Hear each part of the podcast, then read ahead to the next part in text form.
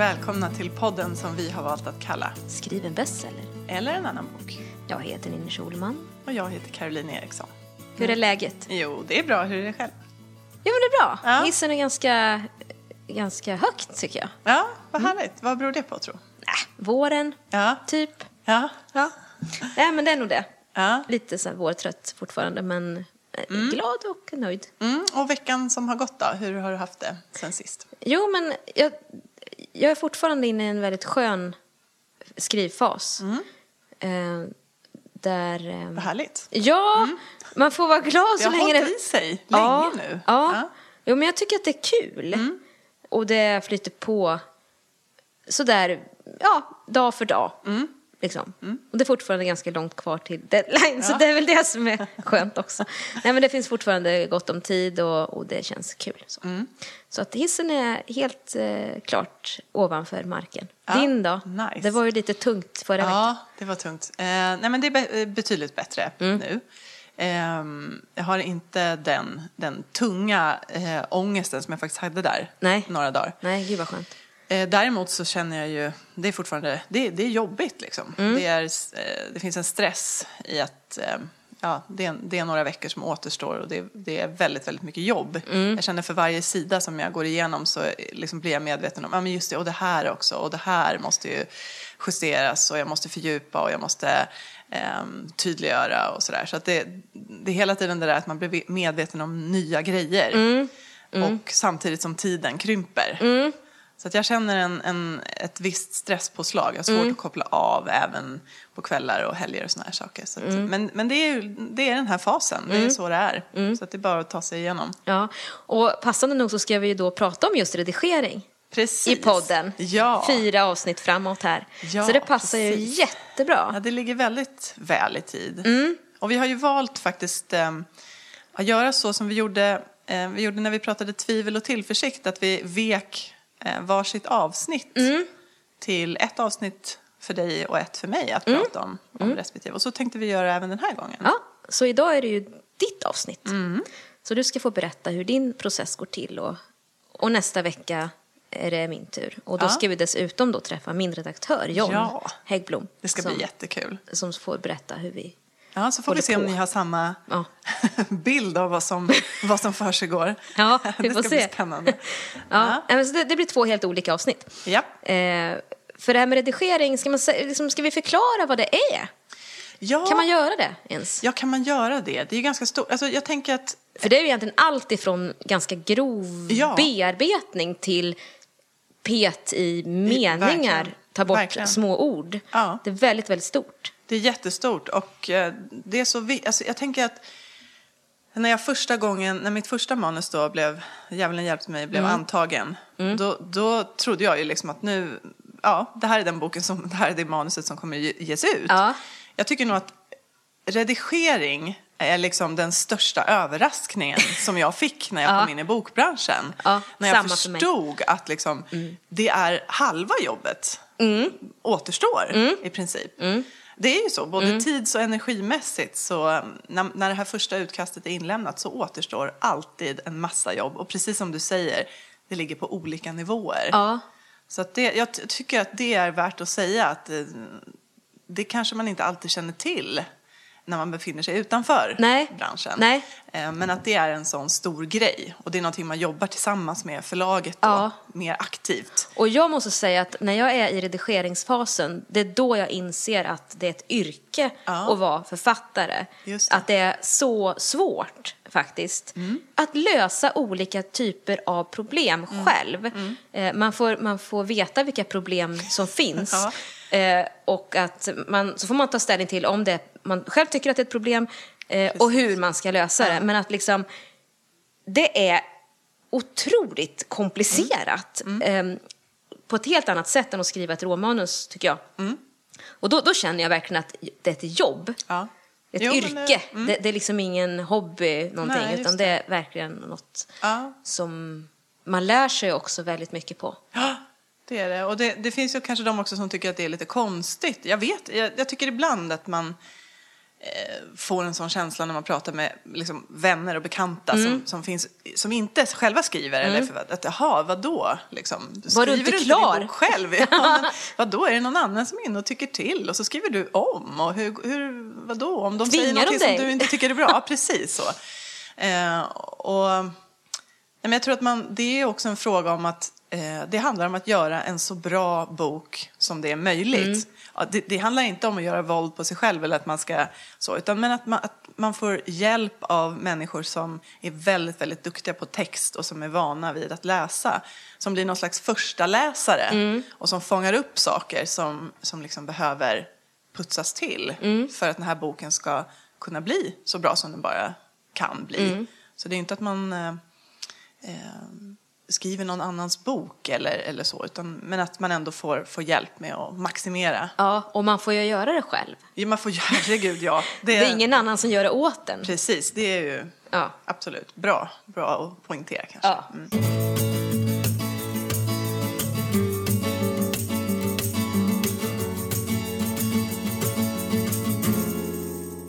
Men hur ser din process ut? För det måste man också säga att det skiljer sig väldigt mycket Ja. Mm. emellan olika författare och redaktörer och förläggare hur det ser ut just där. För man Ja. har ju olika sätt att jobba och olika Exakt. kynnen och, och sådär. Men hur ser det ut i ditt fall? Eh, I mitt fall så ser det ut så att jag har ju då en förläggare och en redaktör.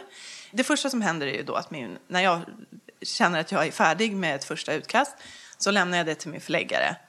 Eh, och så läser han det och sen så har ju han och jag då kanske en till två vändor, lite beroende på. Där han kommer med synpunkter och där jag jobbar vidare med texten utifrån hans synpunkter. Och, och det som jag känner att jag vill, vill och kan göra någonting av, av det som han har, har sagt. Och då kan man ju säga, då är det ju, eh, håller ju han sig på en överlag ganska översiktlig nivå. Ehm, Som han kan säga till exempel. han kan säga till exempel, eh, ja, han säger saker som har att göra mycket med själva eh, intrigen egentligen, handlingen. Eller som har att göra med, en, med karaktärerna. Att han kan till exempel säga att, ehm, jo men om jag tar med de försvunna som ett exempel. Då vet jag att synpunkterna var till exempel eh, både att jobba, det var ju att jobba med eh, liksom inledningen och slutet. Eh, Och inledningen då handlade det en del om Greta då som är huvudkaraktären. Att hon skulle eh, på olika sätt göras lite mer sympatisk. Nu är det många som upplever att hon ändå inte är, och det ska hon ju inte heller vara, hon ska inte vara den här eh, liksom happy-go-lucky karaktären. Hon ska vara märklig, men att hon ändå ehm, fick lite mer av det där att hon letar och funderar och, och så. Eh, och sen att på slutet så skulle det bli mera, eh, liksom rampas upp lite mer, spänningen så, lite mer intens. Det skulle inte släppa riktigt lika snabbt då sådär. Men då säger han så och sen så får du gå hem och fundera ut de här Ja, scenerna. Hur det ska göras. Ja, hur det ska byggas upp. Precis. Ja. Så att han, det är mycket sånt. Sen då i nästa skede, eh, när vi har kanske haft en eller två vändor, då går det vidare till min redaktör. Eh, och då, det sker ju en överlämning mellan de två då. De har att- en kommunikation Ja, också. de har en kommunikation. Så att vid någon, vid någon av de här två lämningarna så, så kommer redaktören in och så läser de tillsammans och så lämnar då min förläggare Adam lämnar över till Kerstin som är min redaktör. Eh, och Kerstin, hon, eh, min redaktör, hon tittar ju på, eh, hon går ju ner på nästa nivå kan man säga. Hon tittar mycket på eh, struktur och liksom, jag vet inte om man ska kalla det logistik, men, men typ sådana saker som, eh, men du, eh, nu skriver du att det stod ett eh, cykelställ där, var det inte ett träd alldeles nyss? Eller hur var det nu med Gretas mobil? Hade hon den, du säger att hon plockade upp den ur väskan, men i förra scenen så såg vi att hon la ifrån sig den i sov... Alltså sådana saker. Ja, ja, ja. Men också då språk. Mm. Ju, ju mer vi närmar oss tryck så blir det mer och mer språk. Eh, och nu har ju jag, jag har, inte, liksom, jag har oftast inte så jättemycket problem när det gäller själva språket. Men hon tittar ju mycket på vad man då, eh, vad jag gör för kanske upprepningar. Mm. Det finns vissa ord som jag överanvänder. Till exempel. Kommer du på något? Ja, men sådana här småord. Ja. Alltså ibland eller något. Ja. Eller det kan vara sådana saker som att en karaktär gör någonting. Liksom, bara, Nu har du tre personer här som, eh, som sväljer hårt. eller någonting sånt. Alltså, Ja. ehm, man har ett uttryck Ja. som, som liksom återkommer för mycket. Ehm, men också att man upprepar sådana här små ord. Då kan någon göra sådana här ordsök och liksom tala om att 16 gånger har du använt eh, ordet eh, ehm, började i, det här, i det här avsnittet. Kan du kanske komma på en synonym. Så. Och sen i det sista skedet så är man ju verkligen, då går man ju till en extern korrekturläsare. Det här är ju det allra sista, då har man ju när man satt manuset som man kallar det, då, då har ju manuset gått över helt och hållet från mig till redaktören. Hon äger dokumentet. Och det börjar då också se ut som en bok, alltså det ser ut som fakt- de faktiska tryckta sidorna. Och så läser man ju då återigen, eh, och då läser ju både jag och redaktören och en extern korrekturläsare. Och det som är så eh, egentligen helt otroligt är ju att det fortfarande dyker upp saker där. Alltså små, eh, små fel, kanske dubbla punkter eller eh, att man har råkat skriva han istället för hon någonstans. Man har läst det så många gånger så man ser inte längre. Man vet ju att det ska stå hon och det står mitt i en mening. Så man, ögonen liksom bara sladdar över det där. Ja. Eh, Men det kan också vara andra saker som de kommer på. Ja. Eh, ju, hittar där. Logiska små liksom, snedsteg eller sådär. Det roliga är att vid nästan varje vända, eller med mina böcker, så har jag lärt mig eh, nya saker. Som jag då, jag har varit helt övertygad om att det finns vissa uttryck och ord som jag har använt Ja. och stavat på ett visst sätt. Men det visar sig att så var det inte alls. Med liksom min första, tror jag, någon av de första böckerna så, så eh, trodde jag att det hette girig burk. Alltså en Aha. burk, girig burk. Så jag skrev det. Och så bara, nej men det heter inte girig burk, det heter girig buk. Ja. Så att, eh, och det var verkligen så här, jaha, jag är snart 40. Jag, jag har gått och sagt girig burk i hela mitt liv. Det heter girig buk. Det glömmer du aldrig. Sak, nej, det glömmer jag inte sen. Och samma sak vet jag att jag har haft något sånt där för allt vad, vad tygeln håller. Ja, ja, ja. Och då skrev jag tygeln. Ja. Alltså som en ty- jag såg framför Ja. mig att man liksom sitter och Håller. håller, i en tygel. Tygel, ja. och så kör man Ja. hästen så fort som tygen håller. Men då är det då tygen. Ja. Eh, jag tror att det kommer från någon så segeltyg, att man ska köra skeppet liksom. Mm, så, så att, mm. Jaha, det är därifrån det vad kommer. Segel, vad tygen håller. Ja. Eh, så sådana saker. Mm. Och sen har jag också lite svårt för, och det har jag fortfarande, sån här när man ska använda innan och när man ska använda före. Mm. Har jag också svårt för. Eh, Jag säger innan hela tiden, Mm. ja, men ibland ska det vara före. Eh, Och sådana här saker som, och det kan jag ju, men att det heter en sorts och ett slags. Ja. Jag sa nog en, en, en sorts och en slags, Ja. Mm. men det heter ett slags. Sådana saker, det, det är ju sånt som man, för varje manus så har ju jag lärt mig mer och mer så Mm. att jag förhoppningsvis kan undvika dem. Men det känns som det ändå dyker upp någonting nytt varje gång, så vi får se vad det blir den här gången. Ja, just det. Men generellt, vad, vad, vad känner du inför redigering? Att få de här felen konstruktivt eller känns det jobbigt? Det är också lite olika beroende på. Det har ju känts olika, i olika eh, för olika manus. Vi har varit inne på det tidigare med Inga gudar jämte mig till exempel var det fruktansvärt jobbigt därför att det var så omfattande. Och den här gången, om jag ska vara helt uppriktig, så har det också känts ganska, eh, ja, men lite, lite mer komplicerat. Svårare för mig och det har varit mer beslut om vad, vad ska jag göra av det här. Eh, hur ska jag välja, alltså hur ska jag omsätta den här feedbacken i praktiken på bästa sätt? Ehm, och så. så att, och då är det ju jobbigt av den anledningen, att man inser att liksom, ehm, ja, det, det är svårt för att man känner sig ensam. Eh, i- till syvende och sist är man ju det då. Eh, och dessutom liksom ganska tungt för att det blir ett omfattande arbete. Det är mycket, då, då är det ju att redigera på en väldigt övergripande nivå som egentligen nästan mer handlar om att skriva om. Eh, och det är det jag gör nu. Alltså jag skriver fortfarande, jag redigerar, men det jag gör är att jag, jag går igenom den text som finns. Men jag skriver fortfarande ganska mycket ny text och tar bort en Ja. del liksom, av det som har varit tidigare. Så det är inte bara att jag sitter och, och rensar eller ehm, liksom ändrar ord här och där. Jag har Nej. inte kommit till den Nej. fasen av Nej. redigeringen än. Så att, eh, men jag tycker att generellt att det brukar vara jobbigt först. Ja. Liksom när man går till det här mötet, när man ska få den här feedbacken, då, då är man ju lite tens. Alltså det är ju, jag tycker det. Ja. Jag önskar att jag kunde säga att nej men gud vad härligt det ska bli att få veta och sen ska jag hem och jobba. Men jag tycker det är ganska jobbigt. Mm. Jag är dålig på att separera mig själv från texten.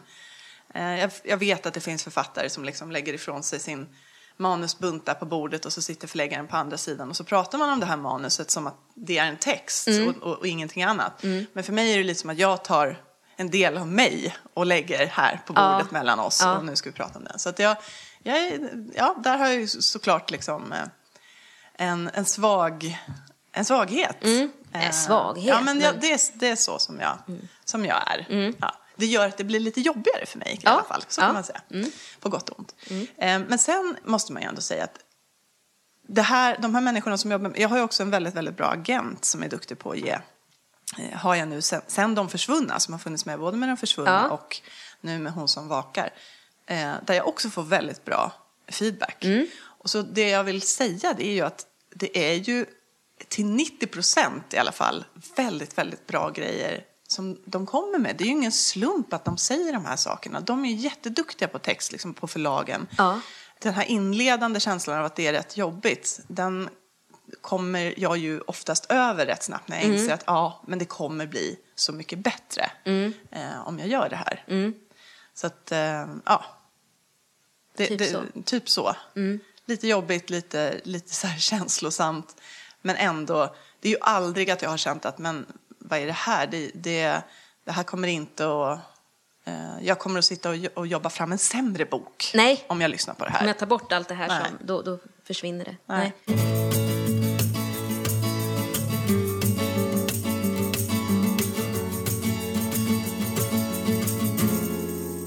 Men hur är det nu då? I den här redigeringen överlag. Vad är det du gör nu? Ja, vad är det jag gör nu? Kan nu... du berätta liksom så konkret du kan vad det är du sysslar med på Ja. dagarna?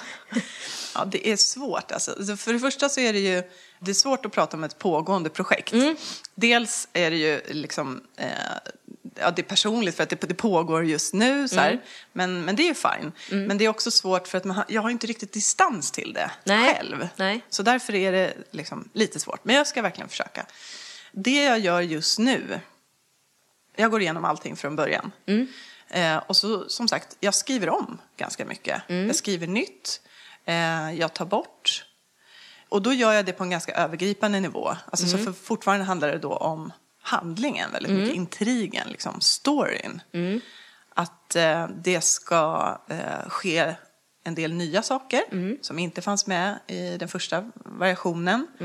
Den här huvudkaraktären eh, som jag har, hon kommer att, att göra, hon kommer att vara, bli mera, eh, vad ska jag säga, utåtagerande, hon kommer agera mer eh, eh, istället för att eh, kanske reflektera s- lika mycket som hon gjorde i första variationen. Göra mer än att tänka. Ja, precis. Ja. Göra mer än att tänka. Och då måste man ju så här, aha, vad är det då hon gör? Ja, precis. Har du klart för dig vad hon ska göra då? Ja, men det har jag på Ja. ett ungefär. Men då, då, för mig så ändrar det också lite grann eh, varför ska hon det förresten? Vad är anledningen? Eh, ja, det är svårt att prata om det eh, utan att liksom säga för mycket om, om boken Ja. som så. Men ja, det handlar väl dels om att, att liksom addera spänning. Mm. Eh, och sen också om att det är liksom en, en grundpremiss i Mm. den här boken som egentligen är en, förändrad. Ja, okej. Och det gör att hon, vi, vi behöver ha henne mer liksom, In action. aktiv. Ja. Mm. Eh, Men det gör, det får ju också följden att hon blir en delvis förändrad person. I mina ögon Ja. i alla fall. Ja. Mm. Jag måste liksom lite grann lära känna henne igen eller lära känna henne på nytt. För jag visste ju precis förut, när hon, när hon gör så här eller tänker så här, då beror ju det på si och så. Ja. Och nu måste jag igen liksom, eh, skriva fram henne. Mm. Jag vet att jag, vi pratar, när vi pratar om karaktärer och vi pratar om att planera karaktärer och sådär, men att jag kände, vet, jag vet att jag sa det, att att för mig är det mycket att skriva fram dem. Och, och så är det fortfarande. Mm. Liksom skri, nu måste jag skriva fram henne igen, lite grann. Jag Har du vet hittat henne igen nu då? Jo, men jag håller på. Ja. Men det är också så att jag fortfarande liksom har, det är, det är också det som, när jag sa det här med att man att jag fortfarande hittar saker som, oj det där måste fördjupas och det här måste förtydligas och, och här måste jag visa lite mer. Då, då handlar det ganska mycket om henne. Mm. Varför hon är som hon är, hur hon har blivit så, eh, kopplade till olika relationer i hennes liv så som de ser ut nu, så som det har sett ut förut. Ja. Utan att det blir baktungt. Alltså man måste ju slänga in såna här små referenser och tankar och saker Mm. här och där längs vägen, där det passar. Vad menar du med baktungt? Eh, att det inte blir för mycket information Ja. om henne Mm. och hennes liv och hennes erfarenheter och allt hon har varit med om i Mm. sitt liv. Det behöver man ju inte. Det har vi pratat om. Det blir ju liksom, det blir baktungt. Mm. Eh, inte för mycket tillbakablickar. Men ändå så finns det ju saker som man måste ha med. Dels därför att annars kan man inte förstå henne som Mm. Nej, person. Det, är nej. Mm. liksom, det hör till, till den här berättelsen att veta vissa saker om hennes eh, tidigare liv. Mm. Så du ska få fram vem hon är utan Mm. att det blir för mycket och då eh, den sommaren så händer det och det eller Ja, så här. precis. Och, så, ja. Ja. och att hon dess, istället för det ska göra saker som gör att man förstår henne på ett annat sätt i hennes Mm. precis. agerande. Ja, just det. Mm. Men då, då, precis, och det gäller ju att liksom balansera det där. För att när Mm. man blir mer, alltså det får inte, hon får inte bli mer aktiv på bekostnad av de här, de här fördjupningarna liksom, som, som fanns kring henne. Just det. Mm. Eh, Men de måste kanske portioneras ut på ett annat sätt eller så. Så det är mycket sånt som jag håller på med. Och sen kommer det också bli ett delvis annat slut. Okej. Eh, Slutet är egentligen detsamma, ja det, det beror på hur man ser det. Men, men det slutar annorlunda för i alla fall för en av karaktärerna. Hur känns det för dig att ändra slutet? Det känns väldigt bra. Det känns bra. det känns väldigt bra. Ja, men det, Du ser det är jätteglad ut nu. ja, Ja. Nej, men det, det känner jag mig sådär, eh, det känns bra. Ja. det, känns, Det har landat rätt. Det har landat rätt, ja. Ja. Så det kommer bli bra, men det är också då att det, det betyder att det är tid som behöver läggas på att skriva det också. Mm. Eh, så att där är jag nu, på, Ja. på en fortfarande väldigt övergripande nivå. Ja. Och jag har ju också jobbat om det här manuset liksom, i flera vändor även tidigare. Både själv och liksom efter lite så inledande feedback och så. Jag, eh, så om jag ska säga någonting om vad jag har gjort den här gången så är det framförallt att jag har tagit bort. Det är det jag har framförallt gjort. Jag, ehm, jag lyssnade på eh, en annan podcast.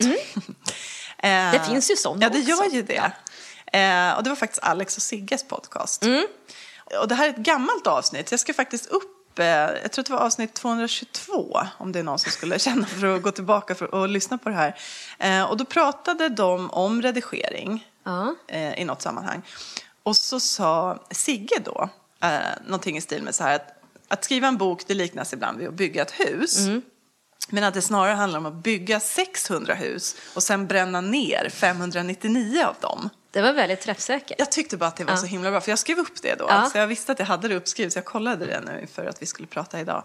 För så känner jag, och så känner jag verkligen med den här boken, att jag har liksom byggt 600 hus. Ja.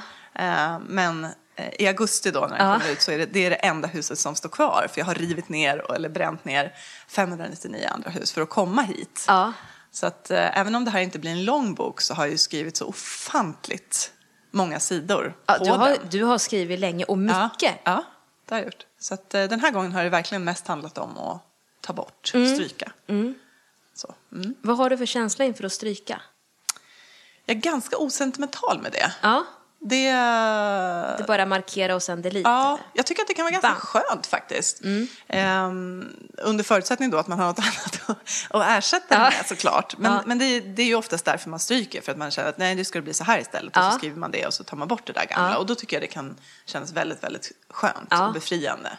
Så det har jag inte... Jag tycker nog att det är, det är svårare att lägga till. Mm. Eh, så, rent generellt Mm. skulle man säga det.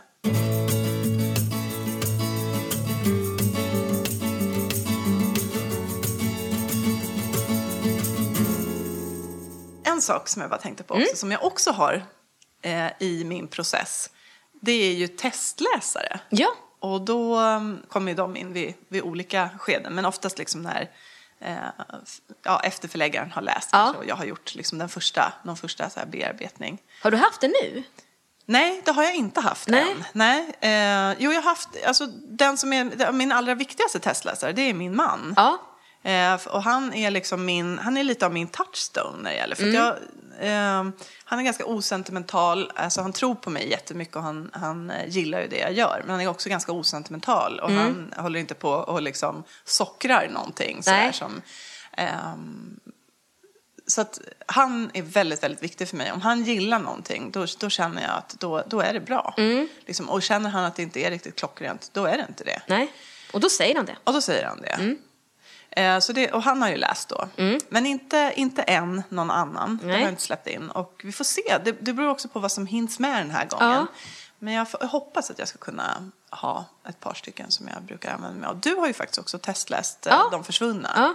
Och det var jättemycket värt i det skedet. Då. Det var jättekul. Mm. Eh, för det är ju det att ibland så, så är man ju så inne i sin egen grej så att testläsningen hinns liksom inte riktigt med. Precis. Man ångar på, men ibland kan man ju hamna i något läge där man faktiskt inte riktigt vet hur man ska göra. Nej. Det finns olika val och Ja. man vet inte riktigt hur texten uppfattas och så. Då kan det vara jätte, jätteskönt Exakt. att ha någon. Men, men, eh, Så det måste ju passa in också. Så Man måste ha tid Mm. Man också. måste ha tid, ja. Det är det. Förra omgången då hann inte jag riktigt lägga ut på mina testläsare. Nej. Då var det så tajt. Så Ja. Jag skulle inte hinna liksom ta in deras åsikter och, och sen göra någonting med det. Utan då fick jag lita på. Just det. Men annars är ju det väldigt bra.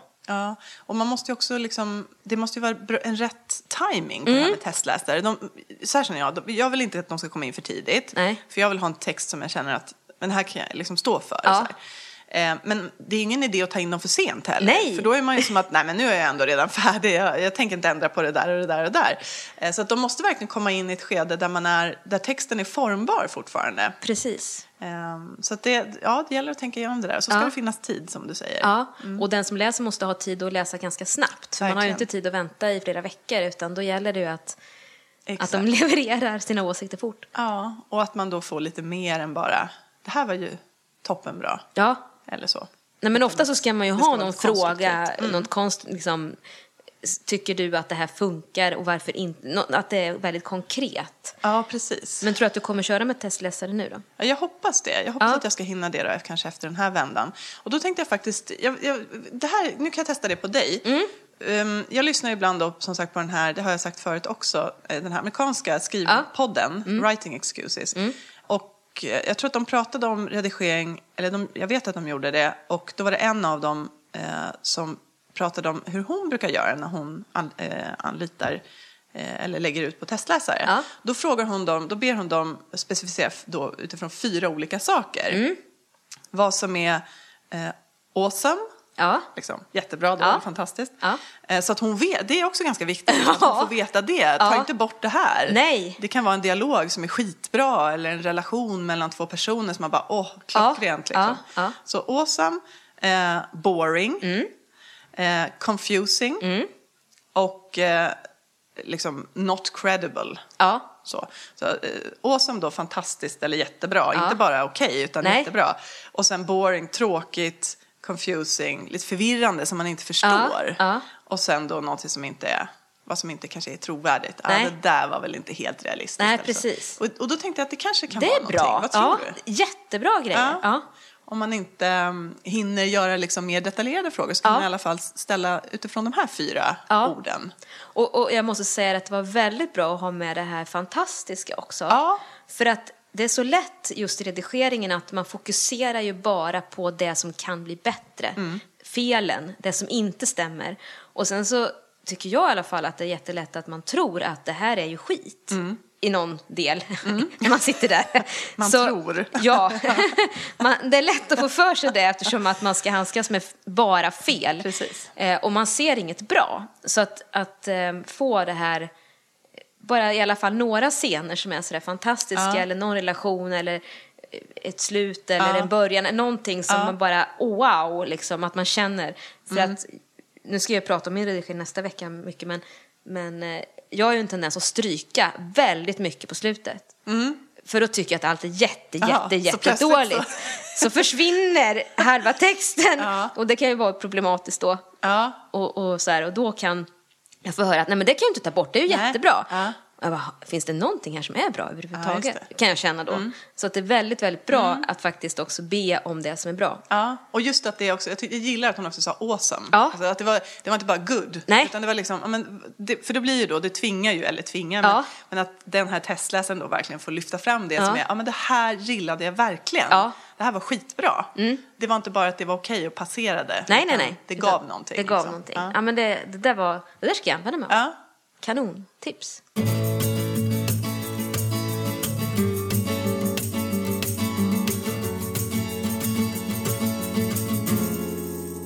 Jo, men när det gäller redigering och, och bearbetning och sådär, om man har ett förlag, eh, hur, hur ser tidsaspekten ut? Du lämnar ju in ditt råmanus i sista januari, Mm. Ja, var det så? precis. Och sen så var manuset på förlaget i hur många veckor då? Ehm, ja men två veckor ungefär va? Två, tre kanske. Ja. Och sen var du på möte och fick Mm. Ja. tillbaka det. Ja. Och hur har det sett ut framåt hit och hur kommer det se ut som du vet framöver? Mm. Jag, har ju, jag gillar ju att ha en, en eh, ganska så här, konkret tidsplan. Ja. Sen så kan man inte alltid få eh, så konkret som man skulle vilja av olika skäl. Mm. Men, men nu har jag en ganska konkret tidsplan i alla fall. Och jag har ju nu då, den här sjoket eller den här fasen där jag befinner mig nu, Mm. det är ju den längsta tiden som jag har på mig med manuset Mm. i redigeringsfasen. Och det handlar ju om att det är nu jag gör de, de största förändringarna. Ja. Så att nu har jag på mig då fram till eh, precis efter påsk. Ja. Mm. Eh, vilket innebär att jag kommer att fira påsk med min dator. Okej. Ja. Eh, och sen då så lämnar jag ifrån mig det eh, till redaktören. Mm. Och då har hon det i, tror jag, nästan tre veckor. Ja. Mm. Och då läser ju inte bara hon, utan då läser ju min förläggare igen Mm, och så läser agenten igen. Och sen så blir det någon form av liksom, samlad överlämning tillbaka till mig då, Mm. mitten, slutet på maj. Eh, och därifrån är det då sen jag och redaktören som fortsätter jobbet tillsammans. Ja. Och då går ju vi ett par vänder till med de här mera konkreta grejerna som jag sa och kanske går in mer på språk och sådär. Och sen då sätter det och korrläser och så ska den gå till tryck i eh, senast liksom till midsommar, är det sagt. Men det som är det, det, det blir ju tajt. Liksom. Och, ehm, för, för egentligen så skulle man kanske i vissa lägen önska också att man hade Ibland behöver man lägga ifrån sig manuset för att kunna liksom se på det med, med fräscha ögon. Så att här, man kan tycka att det låter länge då, tre veckor hos förlaget och vad ska jag göra då? Liksom. Men det är ganska bra att få den där eh, ordentliga, att det inte bara handlar om ett par dagar utan att det handlar om att eh, några veckor när jag inte alls ska titta på manuset så att det så att jag återigen har en ny och fräsch blick när det sen kommer tillbaka till mig. Och då är det ganska tajt om då, tid. Då är det tajt liksom. Ja. Men, ehm, men ändå att man får de där eh, stunderna emellan. Och det handlar inte bara om att man ska få, få liksom tid att koppla av emellan. Nej. Utan det handlar också om att man ska kunna komma in i det igen med ny blick och liksom Mm. läsa det med, med pigga ögon. För det är ganska viktigt också, tycker Mm. inte du det? Jo, absolut. Och också den här metoden att man har i bearbetningsfasen att då kan man ha en månad på sig eller kanske fem veckor eller någonting sånt där. Eh, och då är det ganska mycket att göra, brukar det vara, som man vill eh, flytta om och ändra och förtydliga saker och ta bort. Ehm, och, och sen så blir de här veckorna, det blir färre och färre veckor per omgång. Precis. Eh, och att det är, det är en metod i det. Ja. Eh, att att eh, först har man tid att skriva lite mer, men sen så på slutet då måste det gå liksom fort. Och, och det är också då man har ett grepp om hela boken. Ja. För att då måste man göra det ganska snabbt. Precis. När man ska korrläsa till exempel så har man kanske en vecka på sig. Mm, Och då får man ju jobba på. Ja, precis. Eh, och, men det är också då när man tvingas göra det fort som man faktiskt märker om något som händer i början faktiskt inte hänger ihop med slutet. Verkligen så. Och för att sitter man och har en månad på sig och så Mm. läser man lite här och lite där. Det krävs den där ihoptryckningen Ja. av tiden. Och För då är det få- först nu egentligen som jag verkligen har förstått Mm. hur ultimat det är upplagt. Ja, faktiskt. Det är väldigt bra. Ja. Och det är också det här att man tror jag att man kommer liksom man mentalt förbereds på att snart är det dags att släppa. Ja, För ja. det kommer ju den punkten också. Att man, när man redigerar och man vet att man har många vändor framför sig. Mm. så har man ju alltid den tanken att ja, ja, men, och det här kan jag fixa Ja. sen. Det här kan jag fixa sen. Ja. Men till slut kan, finns det inte det där sen, utan då är det en, ett datum där framme. Och då, då finns det också en, en liksom, någonting i det här, tror jag, det här snabba vändningarna. Att man liksom så här, ja men nu, nu, nu är det snart Nu färdigt. kör vi. Liksom. Nu är det dags att släppa. En, en, en grej, så jag ska bara säga det, tyckte jag också faktiskt var ett bra tips, eller så här, möjligen som jag gjorde eh, för, med förra vändan Mm. med de försvunna, som jag också ska göra nu, tänker jag. Det är att när jag precis då befann Mm. mig i det här, nu, nu ska vi snart släppa, nu, nu korrläser vi bara. Mm. Då läste jag faktiskt texten högt. Alltså jag skrev ut hela texten och läste den högt för mig Hela? själv. Ja. Det är väldigt tidskrävande, Ja. kan man säga, och, Ja. och rätt så tråkigt. Liksom- Du visste ju precis hur det skulle sluta också. Ja, precis. Jo, men alltså för att när man läser så, men bara läser tyst för sig Ja. själv så, så läser man mycket snabbare. Eh, Men det som är bra med det där att läsa högt, det är att då fångar man också upp en massa saker Mm. som man inte tänker på när man bara läser tyst. För då hör man om någonting låter konstigt eller man hör om, men vänta nu, det där ordet, dök inte det upp precis eh, bara för två meningar Ja. eller så. Och dessutom tänker jag att så som det ser ut idag med ljudboken liksom, Mm. som är på, verkligen på frammarsch så, så kommer ju ens text också mycket möjligt att läsas in och bli liksom, Ja. ljudbok, talbok. Och då är det bra att veta att den kommer att låta som den ska. Ja, just det. Så att, eh, det ska jag också försöka att hinna då, det Ja. allra, allra sista där innan, innan midsommar. Ja. Tänker jag göra igen, så kan vara ett tips. ja, det var ett bra tips. Det ska jag också testa. Ja.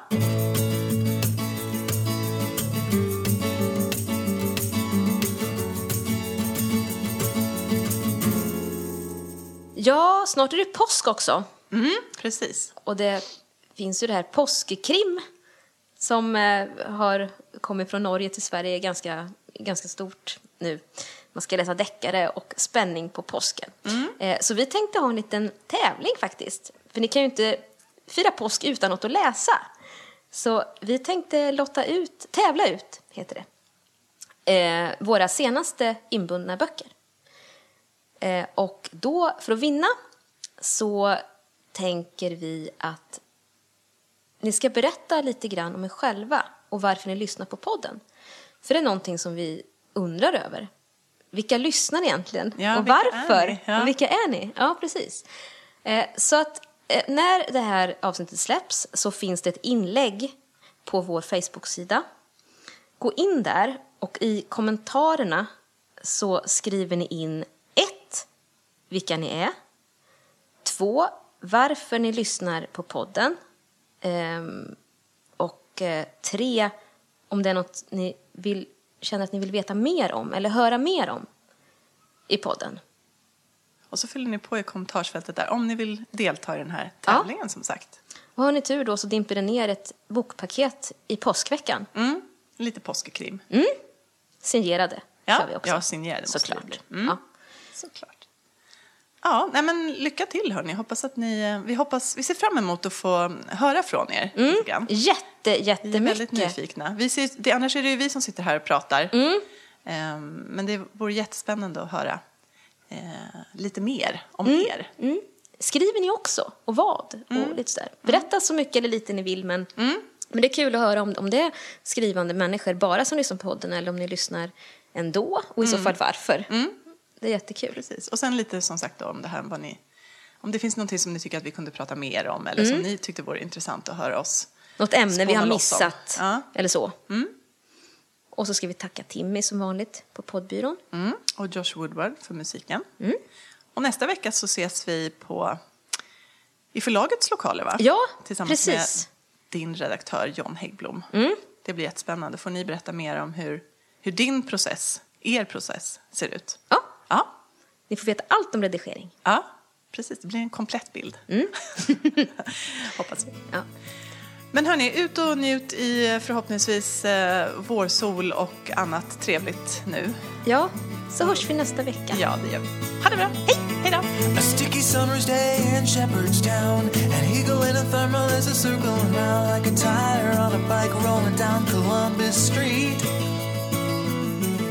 But Katie got a little look of hope in her eyes and her arms unfold and she looked to the skies and said, I'm gonna learn to fly around with you, yeah. She jumped up high and she fell to the ground and skinned her little knee and made a horrible sound.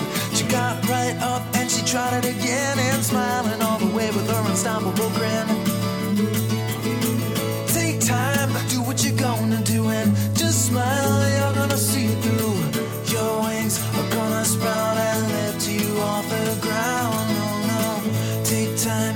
What you're gonna do. Just smile. You're gonna see it through. Your wings are gonna sprout and you will learn to fly.